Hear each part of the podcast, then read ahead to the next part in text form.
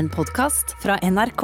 Mia Landsem er datadetektiv, foredragsholder og forfatter av en ny barnebok om trygghet på nett. Hun er utdannet innen datasikkerhet, og i jobben som etisk hacker kjemper hun mot hackerne med samme våpen som de selv bruker.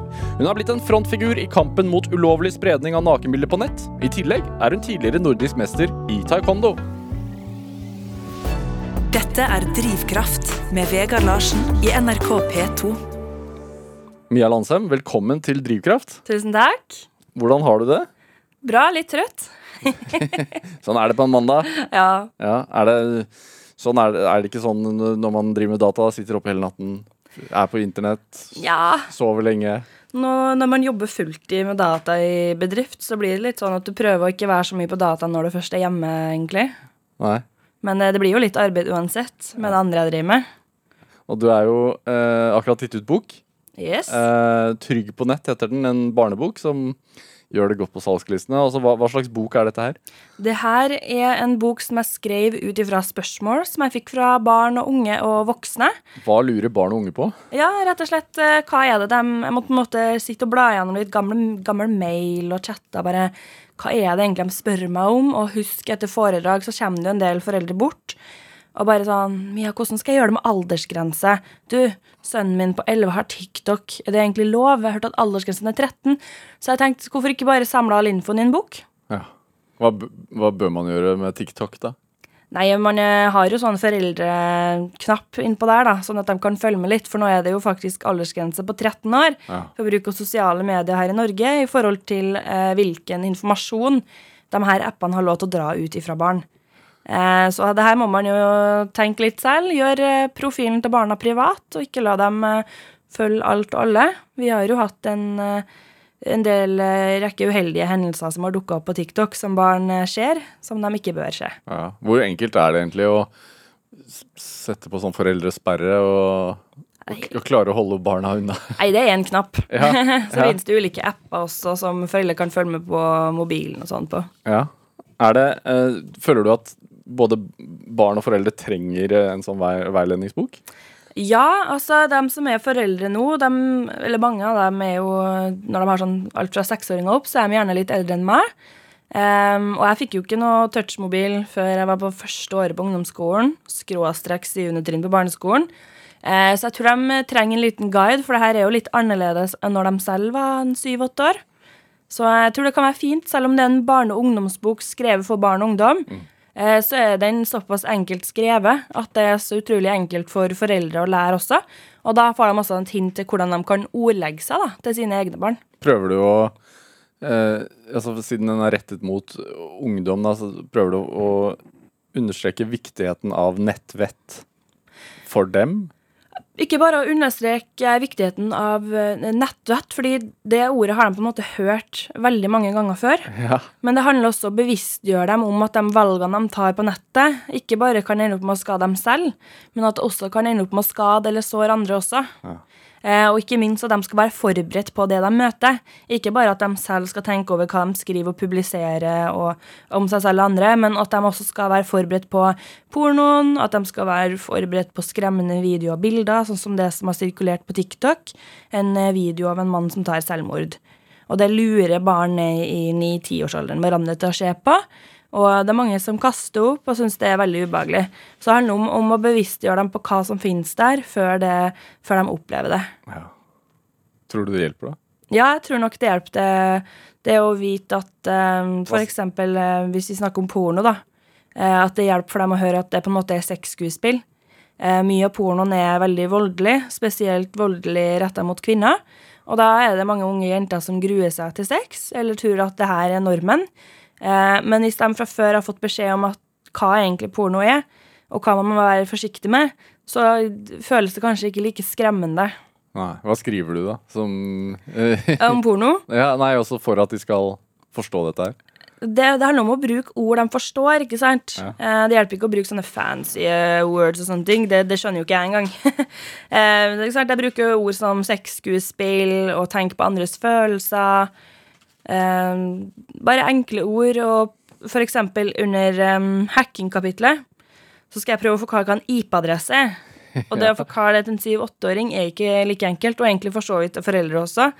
Eh, men jeg prøver på en måte å forklare, akkurat som at etterforskere går gjennom et åsted etter f.eks. et ran, eller om det har skjedd et mord, da, så ser de etter DNA.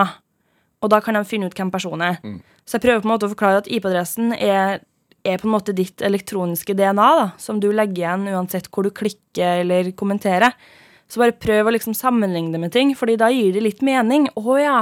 Så det er som på en måte fingeravtrykket mitt, bare på nettet. Ja. Så det handler om å bevisstgjøre dem litt på hva de eh, legger igjen nå. Jeg sa, jeg sa innledningsvis her, eller jeg kalte det innledningsvis en datadetektiv. Er det Er det en tittel du er bekvem med? Altså, har du gitt, har du gitt den til deg selv, eller hvordan oppsto det? Jeg liker den bedre enn nakenbildedetektiven. Det høres ut som tidenes pervo. Eh, eh, jeg har aldri gitt meg selv eh, de her ordene, Nei. men det er på en måte gjort, så man må liksom bare finne seg i det. Jeg er på en måte kjent som datadetektiven, så da får det bare være sånn. Eh, men jeg er jo faktisk en profesjonell. Eh, og jeg er ikke utdanna som detektiv, selv om jeg har fag i, i etterforskning. Ja. Så er det jo hele, hele studiet mitt og det jeg er utdanna som, er jo IT-sikkerhet. Ja. Og det, jeg, sa også at du, eh, at du er en etisk hacker. Eh, hva er det? For dem som har lest boka mi, så kan det f.eks. være en eh, white hat hacker.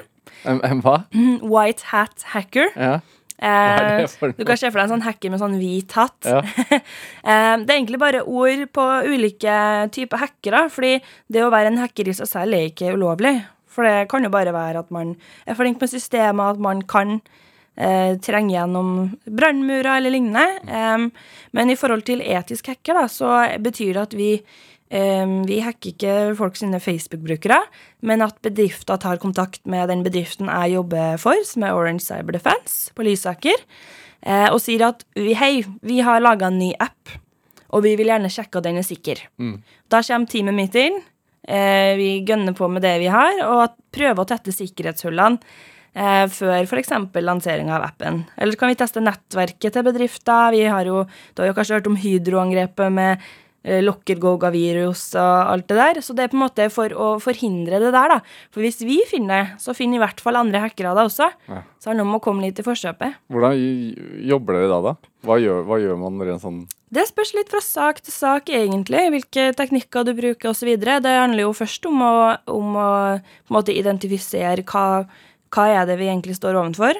Eh, hvilke programmer er det, hvilken versjon er det, er det Java, er det nettside, er det nettverk? Prøve å mappe hvordan det ser ut. Eh, og da bruker man på en måte tools og programmerer ut ifra det. ja. Så det handler om først å bare vite hva du egentlig ser på, da. Eh, Og hvilke sårbarheter den kan ha. Og så prøve å finne den. Og når man har funnet sårbarhetene, så leverer man da en rapport til de her bedriftene. Vi fant det og det sikkerhetshullet, og sånn og sånn kan dere tette det. Hva er de vanligste sikkerhetshullene? Og det jo spørs så veldig ut, men det er jo typisk at f.eks. Eh, noen har tilgang til noe de ikke skal ha. F.eks. hvis en vanlig bruker på en Windows-PC plutselig har tilgang til administratormappa. Um, og så kan det være det, ofte dårlige passordrutiner hos brukere på jobbnettet. Så vi rett og slett bare kan kjøre et lite skript, så har vi funnet passordet til brukerne. Um, det kan være alt mulig. Det er så mange ting. Er, er det Hvor komplisert er det å finne et passord? Det er veldig enkelt, Er, egentlig. er det det? ja. Nei. Hva, Det er jo ulike måter å eksempel jeg kunne ha funnet ditt passord på. OK. Um, hvert år så blir jo ulike apper og nettsider utsatt for uh, datalekkasjer. Så at noen bryter seg inn og stjeler informasjon til alle brukerne. Dette gjør de jo bevisst for å tjene penger. Og så blir alle disse e-mailene og passordene lagt ut på sida der uh, vi andre kan finne det. Så la oss si at eh, du har e-post eple, altså hotmail.com. Og så har du MyFitnessPal-appen. Så ble du dessverre en av brukerne som ble hacka der for noen år tilbake. Da ligger jo e-mailen din med passordet ditt på en, eh, et notatark, liksom, på nettet. Ja. Og da kan vi bare kjøre egne programmer som rett og slett tester e-posten din og passordet ditt automatisk for oss på Facebook, Snapchat, Instagram osv. Og, så og det tar bare noen sekunder. Hvordan uh... ja, Bør man være paranoid, liksom? Nei, jeg tror man bare skal ikke være for naiv, da. Ja. Um, ha gode passordrutiner. og Ikke liksom Det er jo blant annet mye av det vi ser da i bedrifter, er jo at mange har sånn at de eh, bytter pass, har sånn at du må bytte passord etter hver årstid. Sånn hver tredje måned. Og da er det ofte sånn Summer 2020, Winter 2020. Neste år da, så er det Winter 2021. Ja. Så det er mange sånne basic ting, og det handler om å, om å lære dem å ha gode passord. Passord 1, 2, 3. Ja, det er en av de mest brukte. Eller love og hate, og, og navnene deres med årstall, fotball og årstallet de er født. Altså, det er så mye rart. Ja. Hvordan startet din interesse for dette her? Du har alltid vært interessert i gaming. Jeg har uh, gama siden jeg var liten. Alt fra Gameboy til eh, Nintendo og så videre. Og um, etter hvert så ble det jo PC-gaming. Etter hvert som man uh, fjerna dere blikkboksene av PC-er, fikk man sånne kule laptoper og sånn. Eh, så da ble det en del sånn skytespill og sånn. Og så var det jo Den PC-en jeg hadde hjemme, den var ikke god nok. Så jeg leste meg opp på datadeler, skjermer. Hvordan får jeg bra kvalitet på spillene mine? Og der starta på en måte interessen for uh, skjermer, datamaskiner, prosesser. Ja. Starta egentlig veldig enkelt der. Jeg skulle egentlig bli Britney Spears og, og taekwondo-utøver i OL, men eh, her sitter Du jeg. sitter her som etisk hacker i stedet. ja. Endte opp som hacker. Gikk fra idrettshøyskolen til eh, hacker. Dette er Drivkraft med Vegard Larsen i NRK P2. Og i dag er uh, datadetektiv, eller etisk hacker og forfatter Mia Landsem her hos meg i Drivkraft. Uh, du ble kjent, uh, et kjent navn for mange i forbindelse med Nora Mørk-saken. eh, der private bilder av håndballspilleren Nora Mørk eh, ble spredd på internett. Eh, hvordan eh, havnet du i, i, i den saken, holdt jeg på å si? Altså, hva var det som skjedde? Eh, ja, nei, jeg gikk jo på idrettshøyskolen eh, den gangen. Eh, og jeg har jo drevet med arbeidet mitt siden rundt 2014, bare litt mindre. Så jeg begynte på en måte bare å eh, følge med på forum og varsle folk om at bildene deres var spredd. Ja, det var det du holdt ja, ikke sant? Du var på forum og så at Ja. Så jeg sa liksom ifra til folk, for det er veldig uhyggelig å få en melding 'Hei, du er en hore', med link til eh, bildet ditt, enn at du på en måte vet det fra før. da Du vet at det kommer. Der er jo litt tilbake til at du vet det på forhånd. Em, og da dukka hun opp. Hun ble jo et kjent fjes. Har spilt håndball i mange år på Byåsen selv. Og eh, så tenkte jeg hvordan skal jeg i alle dager få kontakt med hun da? Jeg fant ikke akkurat noe Facebook. Så, men så kom jeg på, jeg hadde jo en del håndballspillere på idrettshøyskolen som drev proft, og de kjente søstera hennes. Så fikk varsla søstera, og søstera varsla hun. Hvordan ble det tatt imot da? Hva, hva gjorde du da? Sendte en e-post og sa sånn Hei, er dette søsteren din, liksom? Nei, eh, vi ringtes vel, og så, og så fikk de jo link da, til bildene og sånn, og da måtte de jo ordne opp litt eh, for seg selv. Er det Det at de bildene fins, er jo der ute. At det blir spredd, er jo én ting. Men hvordan er det for deg da å, å varsle om det? Er det ubehagelig? Det har, altså, nå har jeg gjort det her så lenge at det er ikke noe som finnes ubehagelig lenger. Nei. Jeg tenker at, eh, at det er en bra ting å si ifra. Ja. Hva var det som hadde skjedd da? Det var noen som hadde hacket hennes telefon? Ja, altså jeg går ikke inn på enkeltsaker på den måten. Men uh, det er bilder som aldri har uh, vært noe sted, egentlig. Som har vært uh, mellom hun og kjæresten, og så har det blitt tatt. Ja. Det ble jo eh, Altså, ble, ble noen tatt til slutt? Ja, det var, var 14-15 stykker som ble dømt ja. til noen tusen i bot. Og så gikk vi jo også til sak, søksmål, da. Der eh, flere ble dømt til å betale over 100 000 i erstatning. Hva, hva gjør du da sånn spesifikt? Altså, du, hvordan, hvordan, hvordan finner man liksom kilden? Det varierer fra side til side. Jeg går aldri inn spesifikt, fordi da kan gjerningspersoner høre hva jeg sier, ja. og vite hvordan jeg opererer. Eh, men i forhold til saken der òg, så var det jo mye på åpne forum. Det handler bare om å sette seg ned og bruke tid på å finne det. Eh, det er jo ganske tidkrevende. Så var det jo en del tips som kom inn, og ellers så var det en del tekniske undersøkelser. For når man publiserer noen ting da, på en usikra side, så ligger informasjonen din der ganske åpent, hvis du vet hva du leter etter. Hvordan, hva var det som gjorde at du For det, du sier at du begynte med dette her i 2014. eh, så, så du hadde jo holdt på med det en stund. Hva var det som gjorde at du tenkte at eh, nei, dette her gidder jeg ikke å være med på mer. Altså, folk sitter og sprer bilder de ikke har noe med å spre. Hva var det som gjorde at du fant ut at du skulle ta på deg denne oppgaven? Det var liksom flere og flere på trinnene mine og på andre skoler da, som begynte å oppleve at bildene deres ble spredd. Og jeg hadde jo tidligere da vært på TV i forhold til gaming. Eh, At jeg drev med PC og gaming og idrett Ja. på VGTV. det var ikke så vanlig at det var damer som drev med gaming. Nei, det var litt mer stille den gangen. Vi slåss jo litt for den uh, likestillinga der. Uh, wow, jenter kan de dataspill og data, liksom. Mange som ennå tror at jeg ikke kan data. uh, sånn at det er litt sånn derre Bildet av ei på trinnet ble spredd, og hun hadde sett meg på TV snakke om gaming, så hun trodde automatisk at jeg hadde peiling på datamaskiner. Så hun følte vel kanskje at hun kunne prate med meg. Mm. Og så tok vi en prat, og så prøvde å bare finne måter å finne bildene hennes på. Så jeg var jo ikke i nærheten av noe spesielt teknisk kompetent. Um, så jeg prøvde bare å gjøre mitt beste, så det er veldig sånn læring underveis, da. Blir det jo. Ja. Hvordan, hvor, altså det, det er, man, man har jo hørt uh, veldig mye om dette de siste uh, senere årene. Altså uh, hevn, hevnporno, øh, folk som sprer bilder av ekser, eh, diverse. Hvor stort er egentlig problemet? Det problemet her er mye større enn eh, folk eh, orker å innse, egentlig. Jeg har tolvåringer som truer hverandre for nakenbilder. Um, alderen går jo bare lenger og lenger ned på dem som faktisk truer til seg bilder. Og det er jo en ganske farlig greie, da.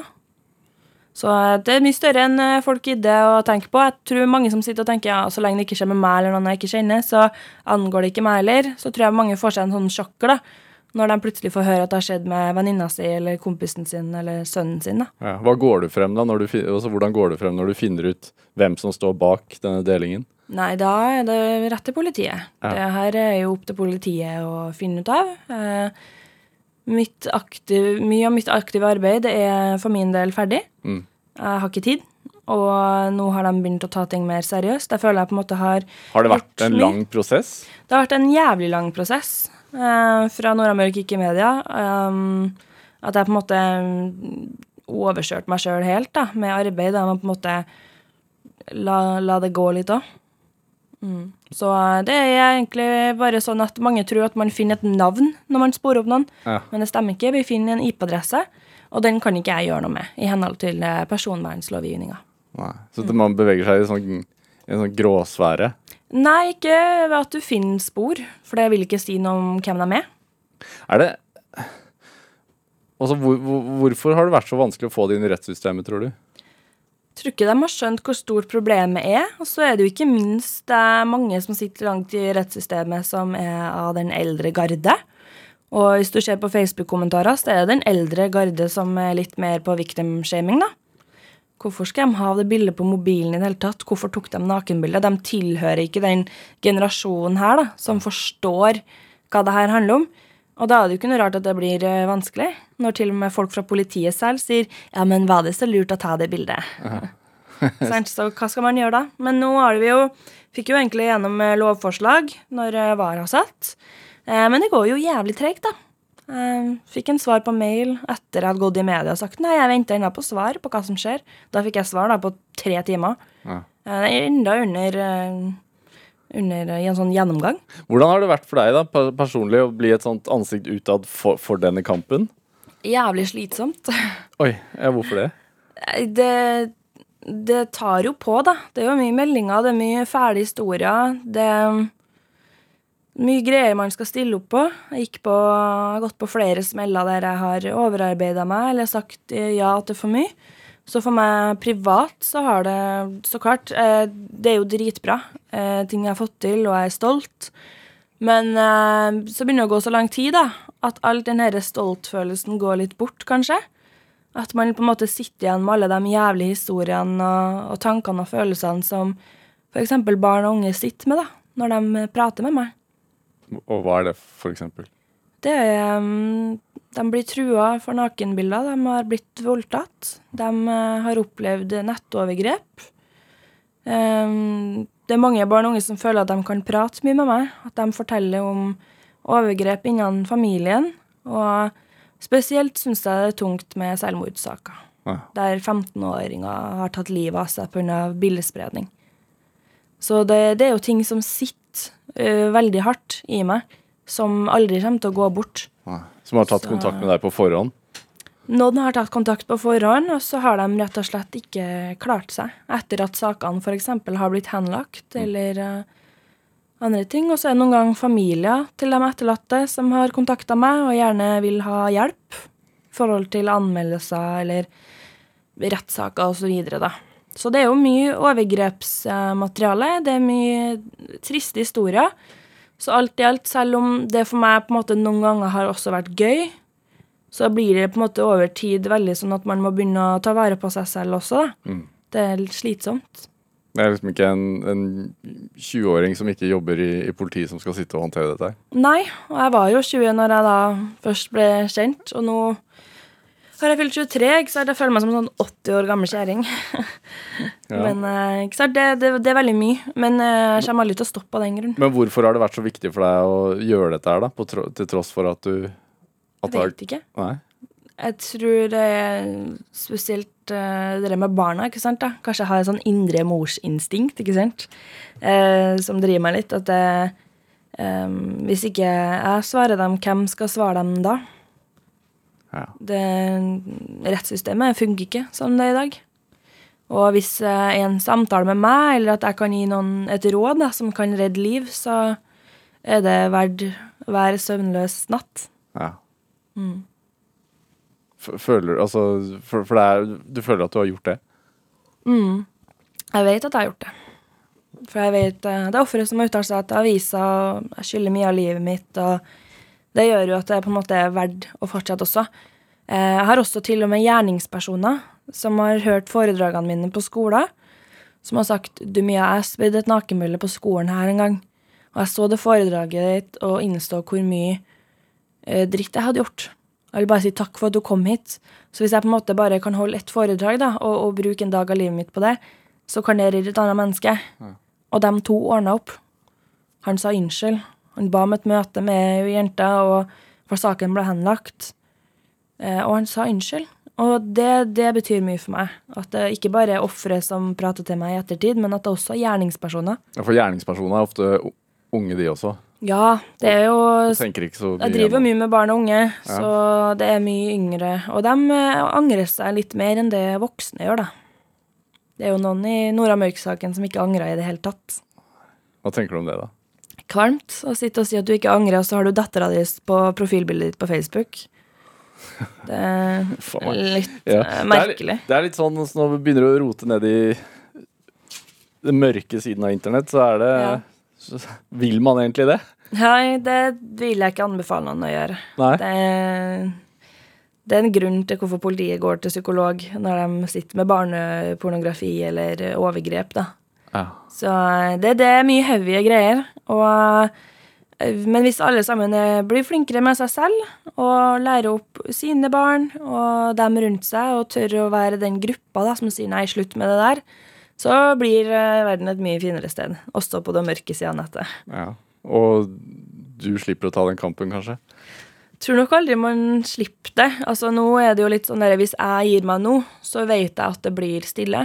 Hvis jeg sier nei til intervju, til radio, til TV, til ting, så vet jeg at det kommer til å bli mer stille.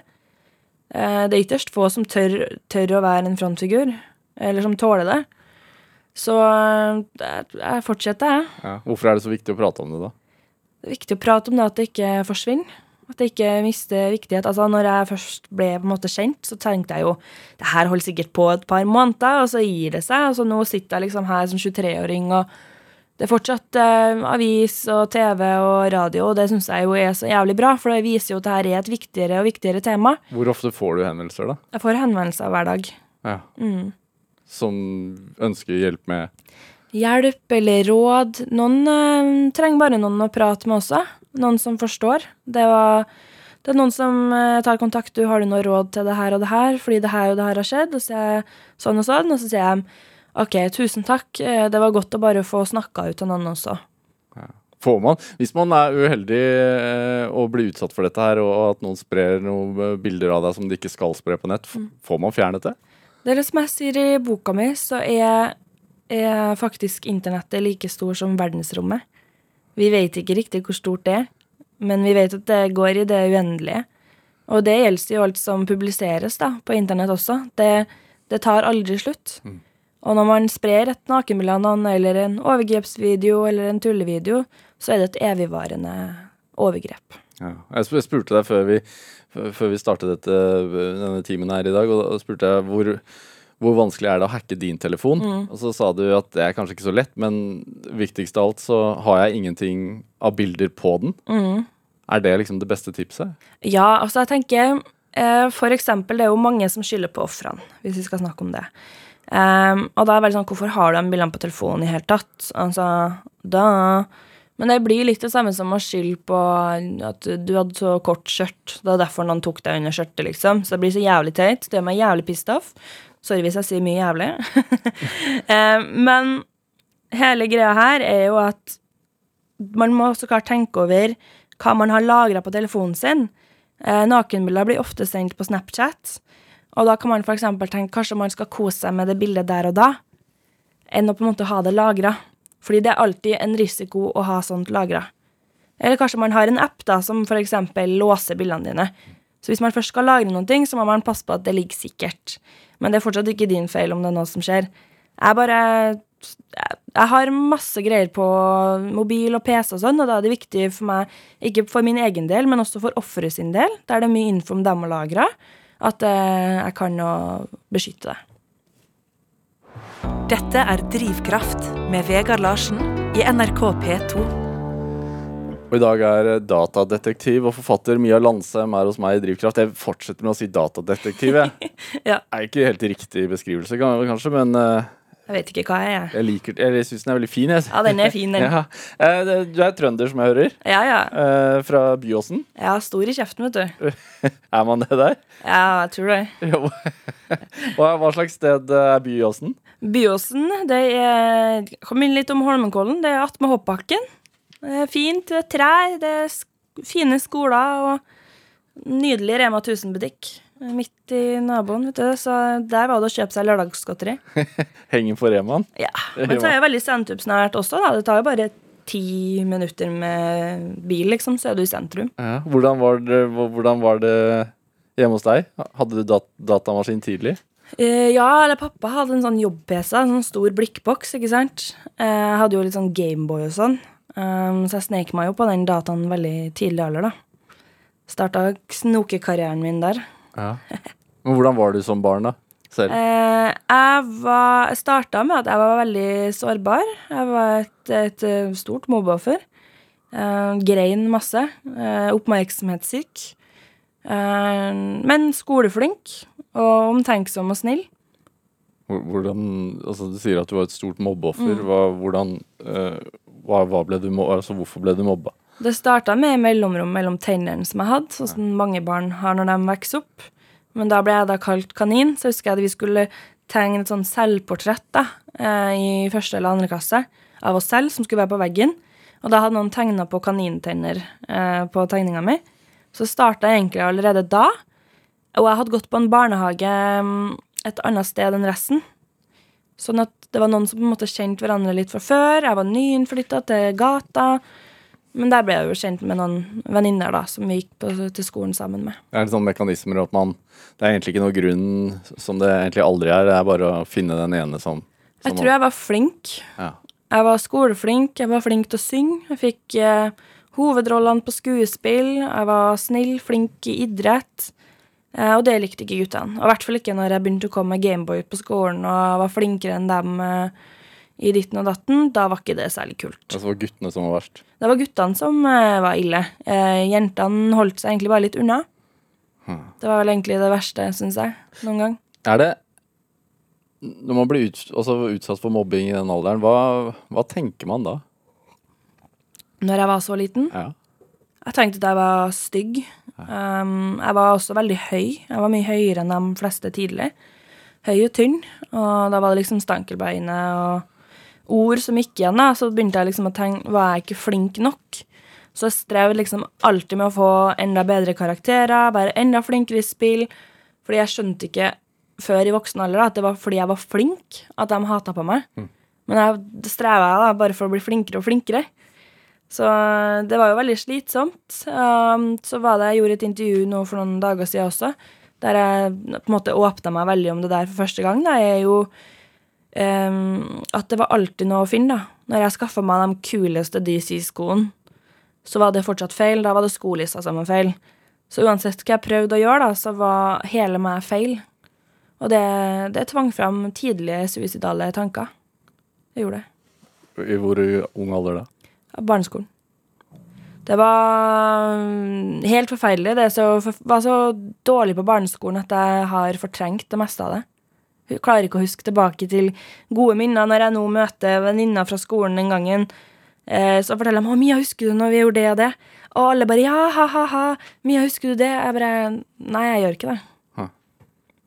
Gjør ikke det. Snakket du om det hjemme da? Eh, ja, jeg har veldig støttende foreldre. De ringte jo hjem til mobberne og sånn, men det stoppa aldri uansett, da. Og så blir man jo litt sånn der Jeg har ikke lyst til å grine hjem til mamma hele tida, men jeg var veldig heldig som hadde en veldig snill helsesøster på skolen også.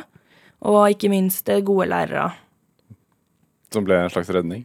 Eh, ja, og så kom vel egentlig taekwondoen, da, når jeg var på mitt verste psykiske. Jeg klarte jo Altså, kasta maten min på skolen. Jeg var tynn og helt jævlig. Um, og skjult vel det meste da siste årene for mamma og pappa. Uh, jeg tenkte liksom nå var jeg ferdig. Men så begynte jeg på taekwondo.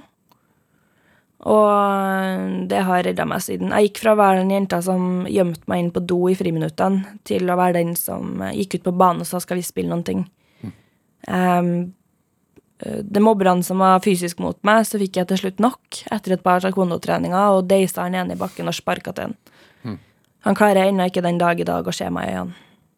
Men har du, snakker du med Altså, nå har du blitt voksen. da. Har du konfrontert de som var mobbere den gang i voksen alder? Nei, jeg tror de sliter mye selv, jeg. Veldig mange av dem som plager meg, har nå endt opp både med psykiatrisk og, og eh, rusavhengighet og sånn. Så jeg tror kanskje ikke de har det så godt med seg selv.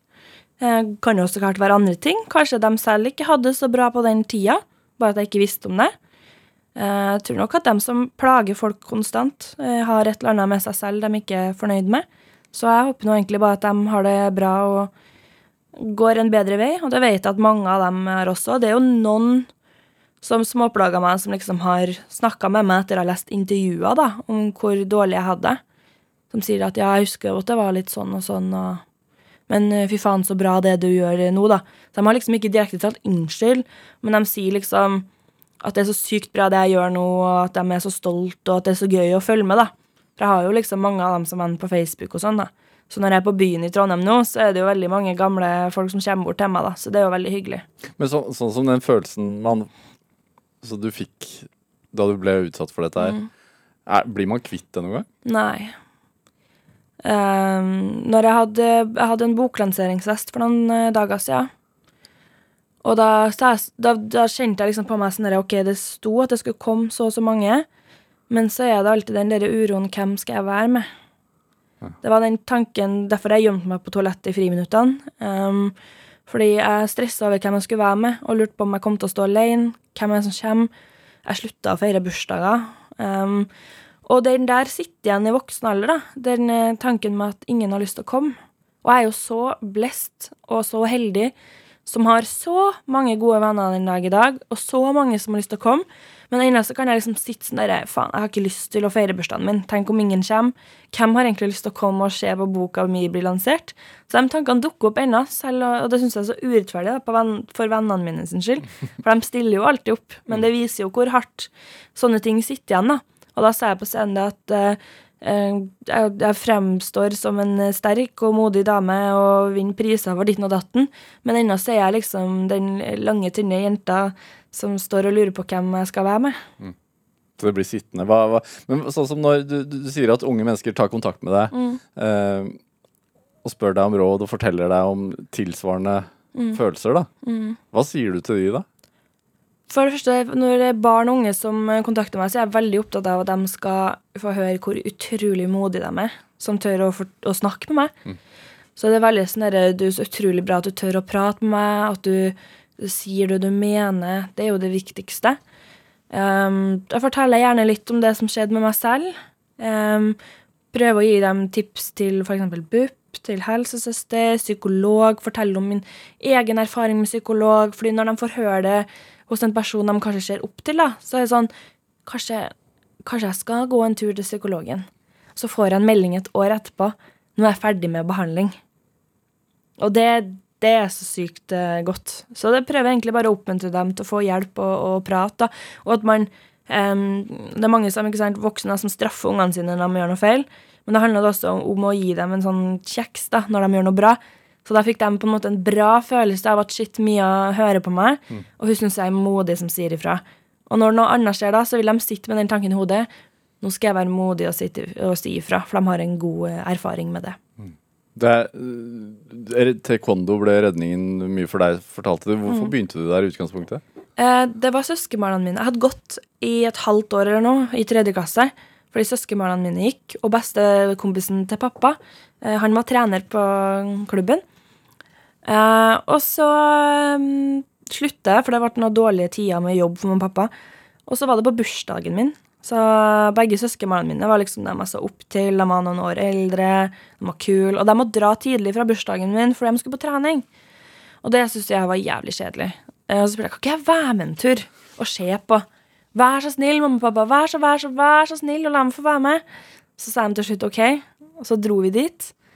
Eh, Så var det samme treneren jeg hadde hatt i tredje klasse, som var der. Og han bare, nei, den der husker jeg jo. Så fikk jeg være med og sparke litt. Og så hadde jeg bare så jævlig lyst til å begynne igjen. Og da begynte jeg på det vanlige partiet. Så fant jeg ut raskt at det var kamp jeg ville gå, da. Ville Jeg ble raskt god. Jeg hadde Ja. lyst til å sparke folk i huet. jeg hadde mye sinne i meg, ikke sant, i den lille kroppen, lange, lille kroppen, Ja. Eh, som, som måtte ut.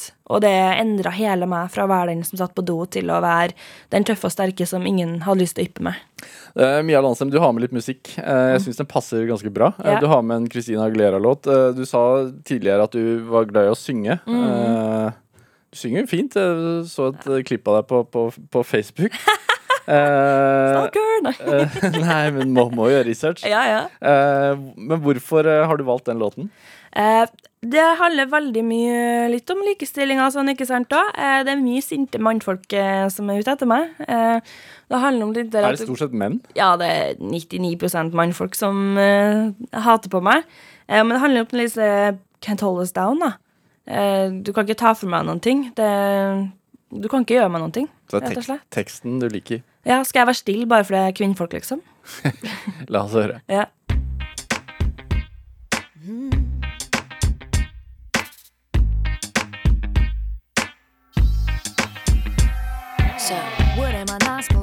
Have an opinion? Should I keep quiet just because I'm a woman? Call me a bitch cause I speak what's on my mind. Guess it's easier for you to swallow if I sat and smile.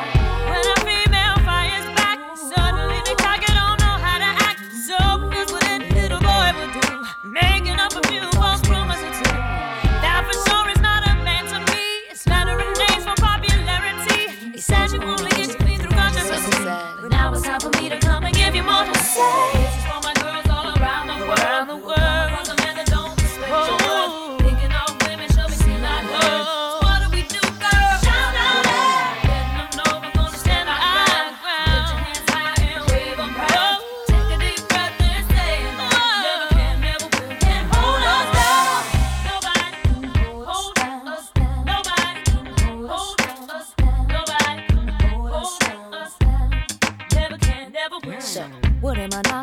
Say what I'm saying? Are you offended with the message I'm bringing? Call me whatever, cause your words don't mean a thing. Cause you ain't even a man enough to handle what I say.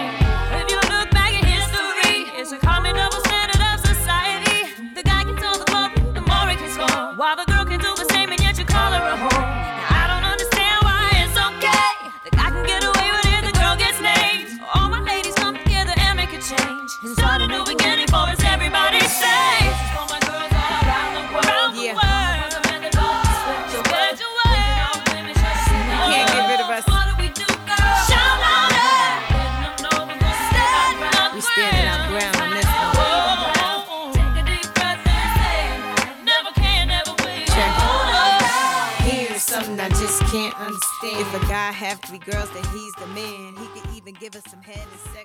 Ja, du fikk eh, Christina Aguilera med låten 'Can't Hold Us Down', valgt av dagens gjest her i Drivkraft på NRK P2. Eh, og altså, hva skjer med deg når du hører den låten her? Fordi eh, altså, Mia, du synger med. Eh, det virker som du går inn i en eh, transe, nesten. Hva skjer med deg når du hører på den? Åh, jeg elsker Christina Aguilera. Det er jo én ting. Flott dame. Um, sangen er veldig sånn empowering, ikke sant? Uh, skal jeg være stille bare fordi jeg er kvinne? Uh, tåler du ikke at jeg står her og prater, liksom? Skal jeg bare være noe fint å se på uten å si, si et ord? Og det er jo veldig sånn som jeg kan føle også, da. Um, hvis uh, en dame med da ytrer seg, da, så kommer det så mye hat i forhold til menn. Eh, I politikk. Vi ser det jo hele tida i forhold til likestilling også. Så bare hele låta gjør at jeg bare får lyst til å fighte og danse på samt, samtidig, da. Ja. Det er jo veldig mange sånne låter som gjør at jeg girer meg, og så er jeg jo musikkinteressert. Så det er jo ikke rart at jeg får helt sånne derre anfall her. Du holder en del foredrag og sånn. Bruker du det før du går på scenen? og sånn? Musikk? Ja. Nei, da blir jeg altfor gira. Da blir det overtenning. Altså. Da slår ADHD-en inn sånn, da. Ehm, altså, vi, vi snakket om taekwondo. Du har svart belte. Yes, Eh. Du hevda deg ganske kjapt. Du ble norgesmester, eh, to ganger nor nordisk mester, eh, var på juniorlandslaget. Eh, hva er det som er viktig, altså, hvilke egenskaper er viktige i en sånn type idrett? I forhold til eh, toppidrett, da, Ja. så er det jo alt det som sier folk kan gjøre også. Det handler om struktur i hverdagen, og at du er faktisk en, en utøver ikke bare på trening og i kampen selv, men du er en 24-timers utøver, som vi kaller det. 24-timersutøver? Ja. Alt du spiser, alt du gjør på dagen, skolen, alt eh, avslapning, alt du gjør, spiller inn på hvordan den kampen går. Ja. Så det, det handler om å være målretta, bevisst på egne valg, og det at man setter, setter seg gode mål og følger dem. Hva skjer eh, altså, eh, Trener du taekwondo ennå, eller har du gitt deg nå? Du, jeg skada kneet for tre år siden, Ja. så jeg venter på en ny MR igjen nå for å se at alt er OK. Det har tatt veldig lang tid. Eh, men jeg trener litt. Jeg skal begynne på litt igjen. Nå har det jo vært litt korona og sånn. Ja. Så når jeg da akkurat hadde begynt igjen, så ble det jo full lockdown. Ellers så trener jeg, har jeg trent MMA og thaiboksing. Så kan hende at jeg satser på thaiboksing fremover i stedet. Eh, Nærkontakt eh, kampsport, altså. Ja, jeg syns det er litt gøyere med når det er mindre regler, da. At du kan bruke litt albue og litt knær og sånn, da. Men hva skjer altså i en eh, Jeg hadde i et tidligere Drivkraft så hadde jeg han eh, Jack Hermansson, eh, som jo er eh, han er svensk, men han ser jo på seg selv som norsk. Ja. Kanskje den fremste MMA-utøveren vi har i landet. Eh, han fortalte om det som skjer med han når han går i liksom, buret. Men hva skjer med deg når du har gått kamp? Eller går kamper? Det er jo en sånn eh, knapp, da. Som går på, som går fra at jeg smiler og ler og sånn, og så blir det egentlig bare sånn Jeg skal ta den personen der, liksom. Det er ingenting annet som jeg får med meg. Får, får ikke med meg folk som heier på meg. Alt handler liksom om, om der og da. Jeg vet ikke. Jeg blir en, en, en helt annen person, da. Veldig rolig. Ja. Men ikke i selve buret. Jeg, der er jeg en ganske aggressiv utøver. Absolutt. Men bli rolig. ja. Jeg blir på en måte eh, Så jeg er jo den som sitter sånn her og har helt eh, Så fingrene på bordet, spreller med beina. eh, Så mye uro i kroppen, da. Men når jeg går inn i den fasten min der, da, så er det liksom ingenting annet som betyr noen ting. OK, å ja, slo opp med kjæresten en time før. I don't care. Jeg blir veldig sånn gir faen-attitude og, hører på hard metal for å bli en fan. Så det er en veldig ulik person. Handler det om mestringen? Eller handler det om å At det er en fysisk kampsport? Nei, eh, det er vel mestring, da. Mm, Det er liksom én ting som står i hodet ditt, og det er å vinne. Ja. Eh, og jeg tror mye av kampsporten går igjen i alt det jeg gjør, da, at jeg ikke gir meg. Eh, for meg så ga det meg sånn adrenalinkick, ikke sant, så klart, å drive med kampsport. Det å bli sparka i huet og sparke tre ganger så hardt tilbake. Eh, jeg er jo en veldig lite voldsom og voldelig person i virkeligheten. Ikke den som klapper til folk, liksom. Eh, men på matta så er jeg jo den aggressive, så jeg liksom får ut litt energi, som jeg har jævlig mye av. Mm. og bare ha det gøy. Det er gøy, rett og slett. Hvor tror du denne uroen kommer fra, da? Et snev av ADHD og eh, Selv, eh, selvmed... Altså, ha, har du fått en diagnose, eller er det selvdiagnosert? skal, jeg skal endelig ha utredning. Jeg har jo visst det egentlig hele livet. Det har vel alle sagt til meg også.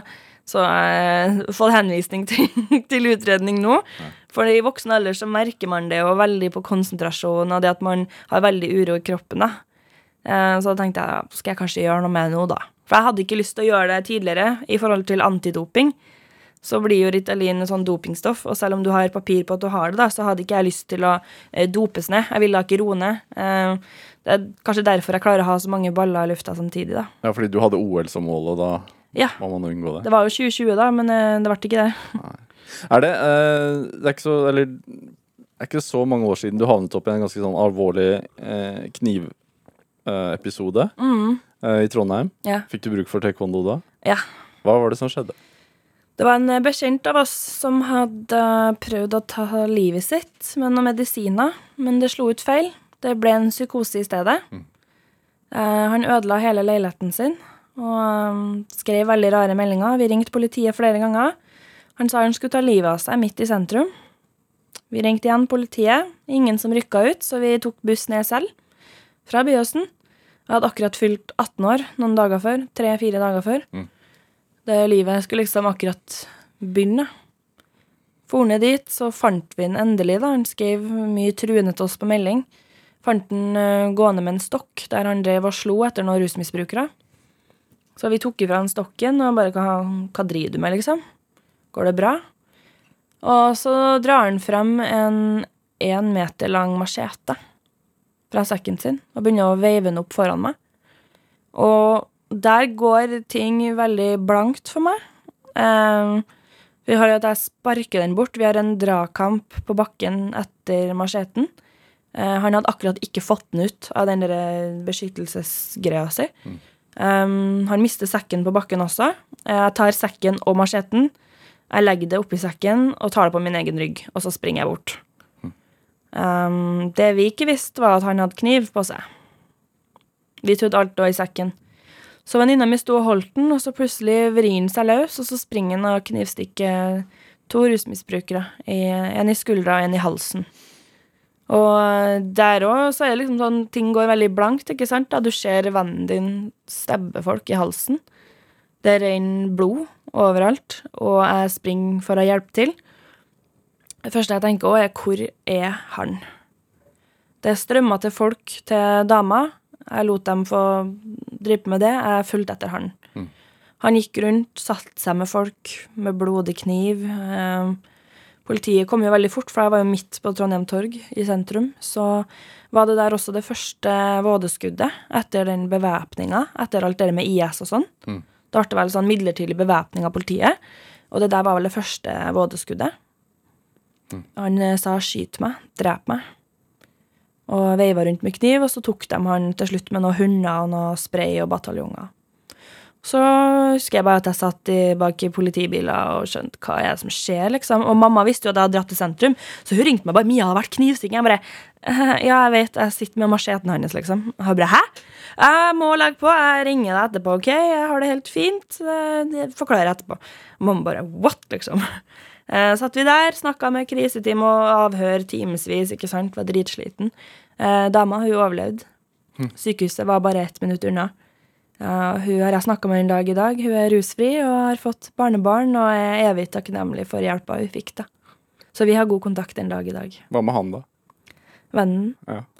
Jeg vet ikke. Vi ville ikke ha noe med han å gjøre. Eh, Venninna mi, hun andre som var med i episoden, eh, møtte han en gang, eller så han en gang, på et busstopp. Og da hadde han sendt hun meldinger med en falsk profil. 'Jeg ser deg'. Han hadde også sendt meg en sånn, sånn like på Tinder for noen år tilbake, når jeg var i Trondheim på besøk. Eh, og da kontakta vi mora hans og bare yo, han må slutte å kontakte oss, liksom. Og han skrev til oss også mens han var i fengsel, på psykiatrisk, eh, at han ikke angra på det han gjorde, og rusmisbrukere, bla, bla, bla, bla, bla. Det var masse sånn sykt opplegg. Hvordan har det vært for deg i tiden etterpå, da? Jeg tror ikke jeg innså før uh, i voksen tid hvor hardt det gikk inn på meg, da. Har liksom alltid opplevd jævlige ting, så jeg tenkte ok. Jeg fikk jo tilbud om videre behandling etter krisetime. Eh, Venninna mi er ufør. Um, hun sliter veldig. Um, klarte ikke å fortsette som frisør og har det ganske dårlig. Um, jeg følte at jeg klarte meg. Klarte å dra på trening. Jeg var liksom bort fra skolen i to dager, that's it. Um, men så merka jeg det, da, etter jeg flytta til Oslo, at jeg begynner å se litt ekstra bak meg. Og hvis folk har hendene sine i lomma, så tror jeg automatisk at de har en kniv der. Uh, mareritt, ikke minst. Uh, veldig sånn grafiske, ekle mareritt. Um, redsel at familien min skal bli knivstukket. Ja, Fremdeles. Det er noe som aldri helt går bort, så det var først eh, når jeg var 21, kanskje, at jeg turte å, å gå på sånn tiukers uh, greie hos psykologen, da. Så det hjelper jo, men det, det er noe som sitter der for alltid uansett. For jeg har sånn en sånn uh, Ser en linje at det er mye psykisk uh, Uh, helse, helsevern som er liksom det ja. stikkord for, for det du driver med, og som også var, var i ditt liv opp igjennom. Hva, hva, er, det, er det lett å få hjelp, tenker du? Nei. Det er ikke lett i det hele tatt. Mm, Når man ringer til politiet og sier kompisen min skal ta livet sitt med et våpen midt i Trondheim sentrum, så har de ikke loggført samtalen engang. Uh, og når jeg har hatt episoder og har ringt til eh, legevakta og vært nedfor, så er det liksom ikke noe ordentlig hjelp å få. Man, sitter, man får beskjed om å sette seg på legevakta, og der sitter man i fire-fem timer uten at noen kommer og prater med deg. Um, jeg, har, jeg kjenner for mange som har tatt livet av seg. Og alle har jeg varsla om. Jeg hadde eh, nettopp mitt søskenbarn òg, som tok livet av seg. Jeg var i begravelse forrige uke. Han har fire barn. Én ekstra barn. Og jeg ringte fra Oslo til Brønnøysund for å få tak i legevakta. Ja, og ingenting blir gjort. Ingenting blir gjort. De skrives ut med en gang. Og så skjer det. Um, og det, sånn som med digitale overgrep også, det, det sitter mye mer i folk da enn det de kanskje selv tror. Og det rettsvesenet tror, og det alle sammen tror, da, er at det, det går utover resten av livet ditt. Jeg har angst. Ehm, det er visse situasjoner jeg ikke takler. Ehm, uansett hvor sterk jeg er, eller hvor mye behandling man får, da, så er det ting som på en måte aldri går bort helt. Er det sånn som når du får de henvendelsene også på, av unge mennesker som sliter med litt det samme som du gjør? Hvilke mekanismer burde vært der, da, tenker du? Vet ikke, det er jo Jeg lurer på om jeg har dem en voksen i livet sitt å prate med. Og derfor er jeg jo veldig sånn på foredrag, da. Mm, for voksne eller lærere, så er jeg veldig på at det er viktig at dere roser dem når de kommer, og forteller dere om problemer, selv om dere blir sur. Eller kan føle, føle Hvis du føler deg sint, da. Fordi du har sagt til dattera di at du skal ikke sende et nakenbilde av deg sjøl, så har hun gjort det. Da, da stenger man liksom litt den døra for at du kan ikke komme til meg hvis det faktisk skjer. Det er veldig sånn pekefingergreier foreldre har. Sånn, ikke gjør ditt, ikke gjør datt. Og hvis de da gjør det, så kommer de jo ikke til dem. Og så blir de sur etterpå hvis de kommer med dem til det. Faen, så dumt, liksom. Så det er veldig viktig å være åpen for å gjøre feil, da. Er det altså, den digitale hverdagen har jo blitt en del av livene våre, har jo vært en stund. Men er, ser du fremdeles en sånn digital generasjonskløft, liksom? Jeg, jeg, jeg vet liksom ikke helt. Jeg er jo ikke noe forsker på det området, men jeg ser jo at altså, barn fødes jo med iPhone i hånda nå. Mens foreldrene deres har fått det på ungdomsskolen. Eh, så mine venner begynner å bli foreldre, dem òg. Eh, og da er det viktig at de tar et standpunkt. da, At de starter tidlig med nettvett. Det er ikke bare liksom å sende ungen din på sykkel uten støttehjul den første gangen. Eh, De må fokusere på opplæringa før de bare og tenker å, nå får jeg endelig sett på The Kardashians fordi lillegutt ser på iPaden. Vet du egentlig hvilken skade den iPaden gjør på øynene til babyen din? Eller hvor, hvor mye det går utover søvnmønsteret? At det lyset som kommer ut av skjermen, faktisk bryter ned det stoffet som gjør at du sovner? sovner? Det er mange som ikke setter seg inn i det. De tenker bare 'yes, fritid', Kardashians på TV. Uhu. Tenker du også i forhold til det å, å, å bli mobba i ung alder, sånn som dessverre du ble også, men at det har forandret seg i forhold til uh, at sosiale medier og mobiler og alt sånn er, er blitt en del av hverdagen til de unge? Det er jo det der da som er litt forferdelig. Liksom, mest av min mobbing foregikk jo ikke på nettet. Det var i skolegården. Nå er det jo både skolegården og på nett.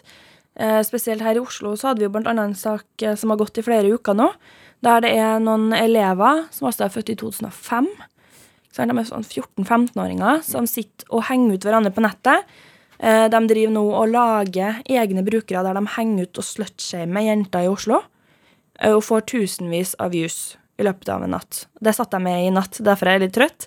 Eh, Fordi det ble laga enda en Instagram, selv om flere av jentene har anmeldt det her flere ganger. Altså De oppretter bare falske profiler og legger det ut? Gang på gang på gang, og så er saken under etterforskning. Ja. Hjelper ikke. Det er der og da det er der overgrepet skjer.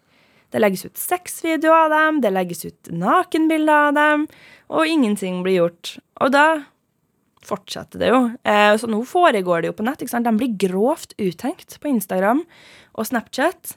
Eh, og ikke minst at overgriperne også er på nettet nå. Ikke sant? Jeg fikk jo beskjed om å ikke gå inn i den hvite varebilen og ikke gå alene på gata. Nå, nå er det jo sånn at jeg ikke legger til fremmede på Snapchat. Det var jo ikke snakk om det når jeg var yngre. Ikke i det hele tatt. Ja, det er jo et problem som er veldig vanskelig å få løst, er det ikke det? da? Ja, det handler jo om om å være tidlig med nettvettet, da. Ja. Og at eh, vi trenger et par oppdaterte lovverk og et politi som jobber raskere. Mia Landsem, hva, hva tenker du er, er din drivkraft? Det er så vanskelig. Det er så mye. Men jeg tror, jeg tror det er alt jeg har opplevd, um, særlig livet, som driver meg. Den um, tanken på at noe er urettferdig. Tanken på at du sparker noen som ligger ned, at du gjemmer deg bak en anonym konto. Um, jeg vil si at det er kanskje barn og unge, da, som er det som driver meg. At det er alle de meldingene jeg får. Mm. Hva vil du si? Jeg syns det høres riktig ut. Ja. Uansett, Mia Landsem, tusen takk for at du kom hit til Drivkraft. Takk for at jeg fikk komme. Eh, vil du høre mer om Mia Landsem og, og hva hun driver med, så kan du høre på den nye podkasten Følelsen eh, på NRK. Eh, der ett av ofrene for bildespredning eh, prater om følelsen rundt hevn. Eller så kan du laste ned flere Drivkraft-episoder, eh, enten som podkast eller høre oss på NRK på nett. Eh, send oss også gjerne tips om mennesker du mener har drivkraft. Send en e-post til drivkraft krøllalfa nrk.no. Ellen Foss Sørensen var dagens produsent. Siv Ammer bidro også sterkt til denne sendingen. Jeg heter Vegard Larsen. Vi høres. Du har hørt en podkast fra NRK. Hør flere podkaster og din NRK-kanal i appen NRK Radio.